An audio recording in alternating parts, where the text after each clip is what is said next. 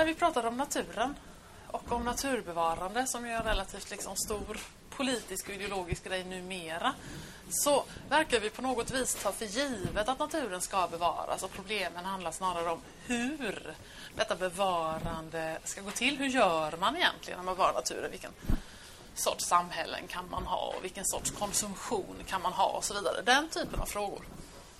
Eh, frågan om varför naturen ska bevaras hittar man exceptionellt sällan besvarad, skulle jag säga. Eh, flertalet filosofer som håller på med frågan har liksom närmast uttryckt desperation på området. Det är liksom oerhört påfrestande för en filosof att gå runt och hysa en uppfattning som man inte har argument för. Det är en pressande intellektuell situation.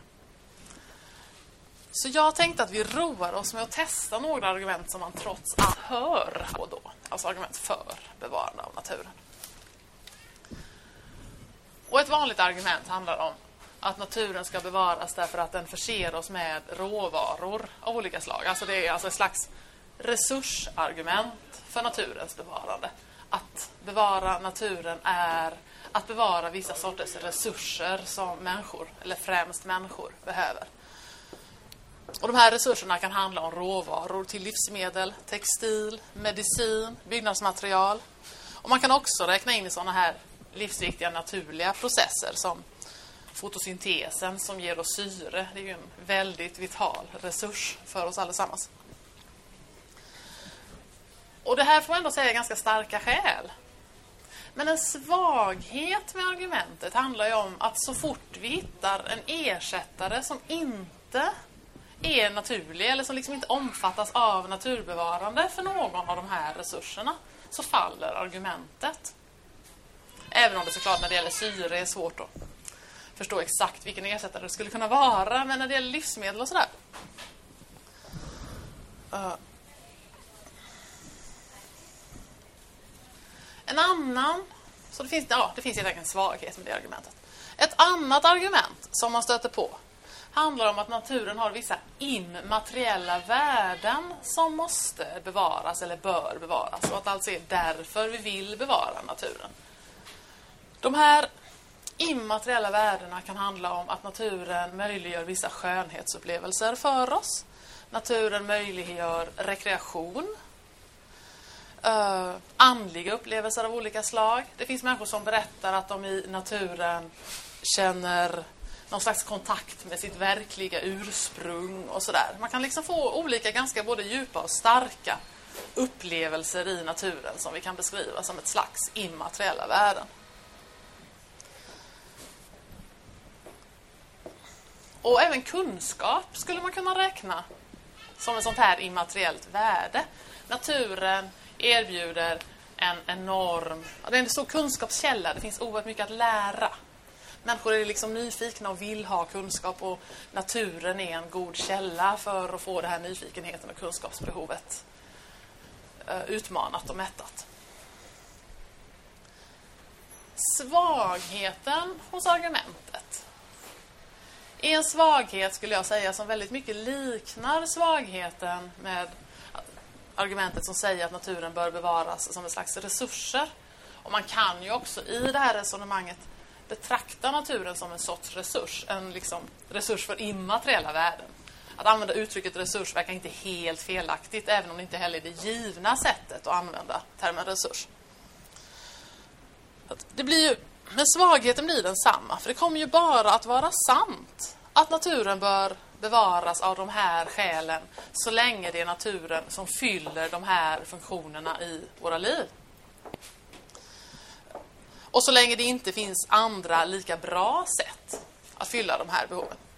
Om skönhetsupplevelser skulle vi kunna få konst, musik, arkitektur. Rekreation kan man få på gymmet och i bastun. Andliga upplevelser kan man få i kyrkan eller moskén. Så det verkar liksom, det är inte naturen ensam som är en sån här källa och kanske inte ens naturen egentligen den allra bästa källan. Det, det är svårt att säga. Det finns de som hävdar att just de immateriella värden som naturen erbjuder är unika. Att man liksom inte kan få deras motsvarighet någon annanstans. Jag skulle ändå säga att det är en empirisk fråga. Man får helt enkelt ge sig ut och kolla. Man får fråga folk och ta reda på om det verkligen stämmer. Jag kan komma på personer för vilka det inte är sant. Men det betyder ju inte att det inte finns personer för vilka det är sant. Så själv skulle jag inte vilja hävda någonting alltför bestämt där. Men jag tycker ändå man kan tänka sig att de här idén om immateriella värden skulle kunna falla på det här resonemanget.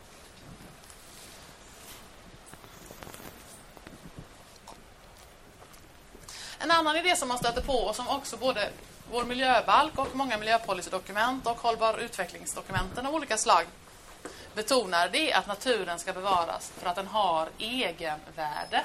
Och det här är alltså något alldeles distinkt från det här resursvärdet som vi tidigare har tänkt oss att, eller som vi också tänker oss att naturen har. Om naturen har egenvärde, då ska den bevaras för sin egen skull enligt resonemanget. Alltså inte för olika nyttor och upplevelser som vi kan få av den. Utan det är någonting med naturen själv. Ungefär som att vi pratar om människolivet som i någon mening okränkbart eller så. Anledningen till att vi inte ska ta livet av varandra är liksom inte enbart att då går vi själva miste om varandra utan det är också, också någon slags respekt för den andra människan som gör att man ska vara rädd om henne. Och på ett liknande sätt då. Naturen har värde i sig själv jämförbart med en människa.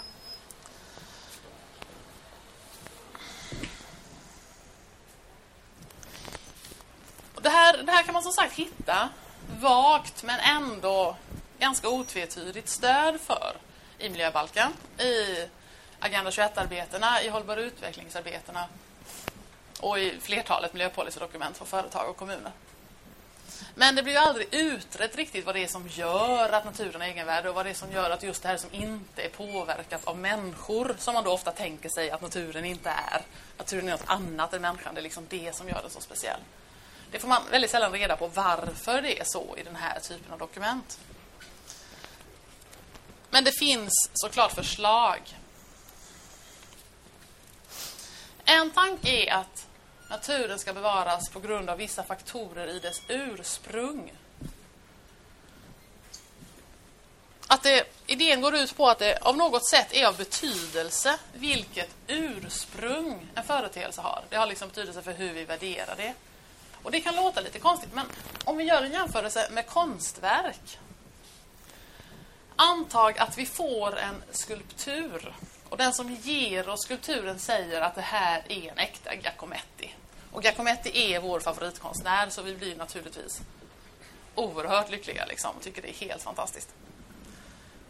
Sen får vi något senare och något skäl reda på att det är inte en Giacometti, det är bara en skickligt utförd kopia. Och då är det mest troliga utifrån hur konstvärlden brukar reagera på den här typen av händelser att vi då kommer att av vår uppskattning, vår, vår bedömning av verkets värde, inte bara i monetära termer, utan också liksom känslomässiga och emotionella värdering av det, kommer att minska drastiskt. Trots att det handlar om likadana saker. Och det tyder ju på att vi inte tycker att ursprung kvittar när det gäller att värdera i alla fall konst. Därav följer givetvis inte att ursprung har betydelse när det gäller att värdera natur. Det är ju ingen automatisk koppling mellan de två sfärerna. Men i alla fall en av de filosofer som diskuterar det här, han beskriver ett exempel. Han brukar ta promenader. Han var inte särskilt biologiskt eller ekologiskt bevandrad, men han tyckte om att ta små skogspromenader. Och han tyckte särskilt om ett område där han trivdes oerhört väl och gärna promenerade och tyckte det var alldeles särskilt vackert. Och en av de egenskaper som tyckte gjorde detta område så vackert var att alla träden var ungefär lika stora. Och alla som kan lite biologi behöver fnittra. det, ja, sen en dag var han ute och gick i sällskap med en vän som var lite mer biologiskt bevandrad då. Och berättade just att han tyckte att det här området var så vackert därför att träden var lika stora. Det gav liksom, silade ljuset särskilt fint eller någonting. Och då fick han såklart förklarat för sig att just det faktum att träden är lika stora bevisar att de är planterade. Så det var alltså inte fråga om en, ett naturområde i den meningen att människor inte haft avgörande betydelse för dess utseende. Och precis som i fallet med den falska Giacomettin så i fallet med den falska naturen sjönk värderingen. Så i så fall, det kanske är spännande eller bra eller viktigt för oss på något vis att det finns sånt som människor inte har påverkat. I, i den engelskspråkiga litteraturen på området så förekommer ett uttryck som kallas för stewardship. Uh, att naturen liksom är värd för oss. Naturen finns där och är vår värld och så kommer vi till den. Liksom. När människor kom så kom vi liksom till naturen som redan fanns och var en slags värld för, för oss, en slags scen för vårt, för vårt liv. Och att, att det helt enkelt är så att därför att det finns så mycket som fanns före oss och i princip kan förväntas finnas efter oss så bör vi liksom vara rädda om det. Det finns saker som inte är bestämda av oss och inte heller bör vara bestämda av oss, tänker man sig enligt det här resonemanget.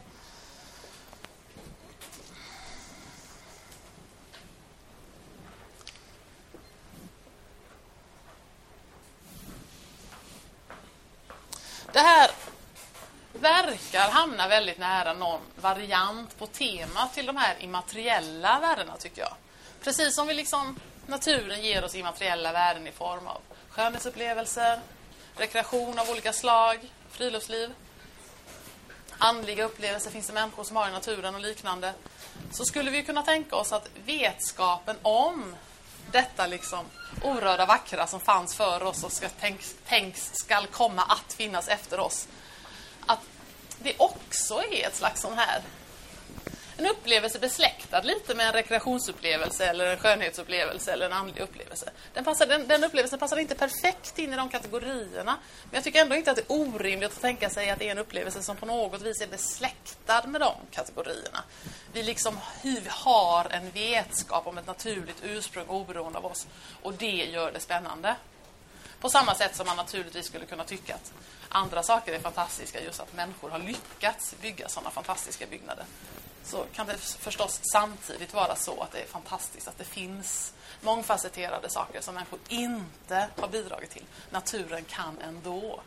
Det liknar de här immateriella värdena och invändningen blir ju ändå då densamma. Att om vi kan ha motsvarande upplevelser i andra typer av miljöer eller givet andra villkor på det ena eller andra sättet så eh, faller argumentet.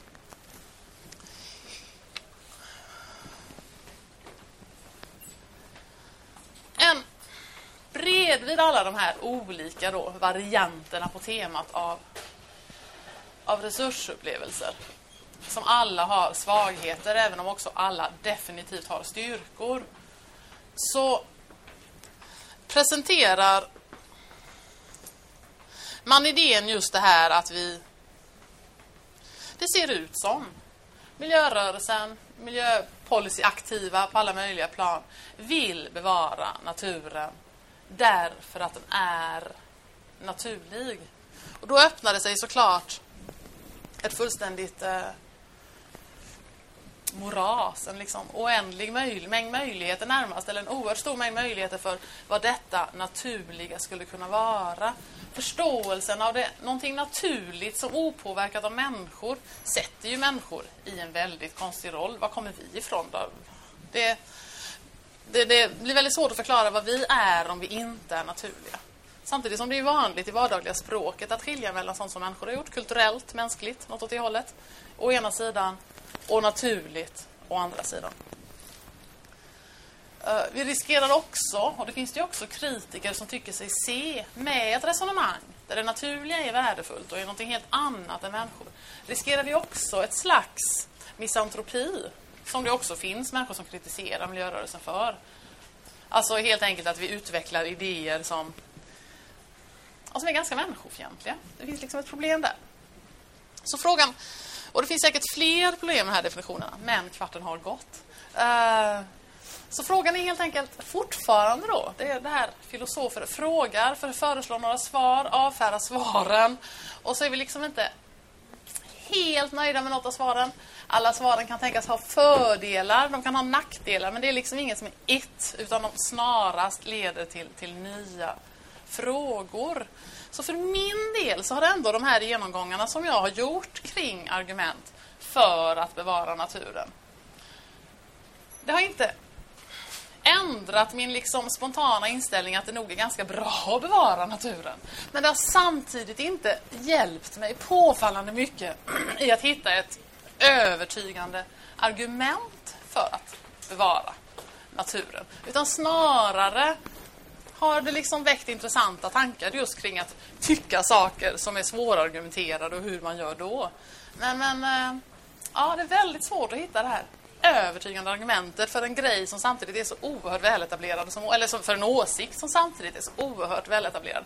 Och frågan är om inte det egentligen är den mest intressanta delen av den här diskussionen. Tack.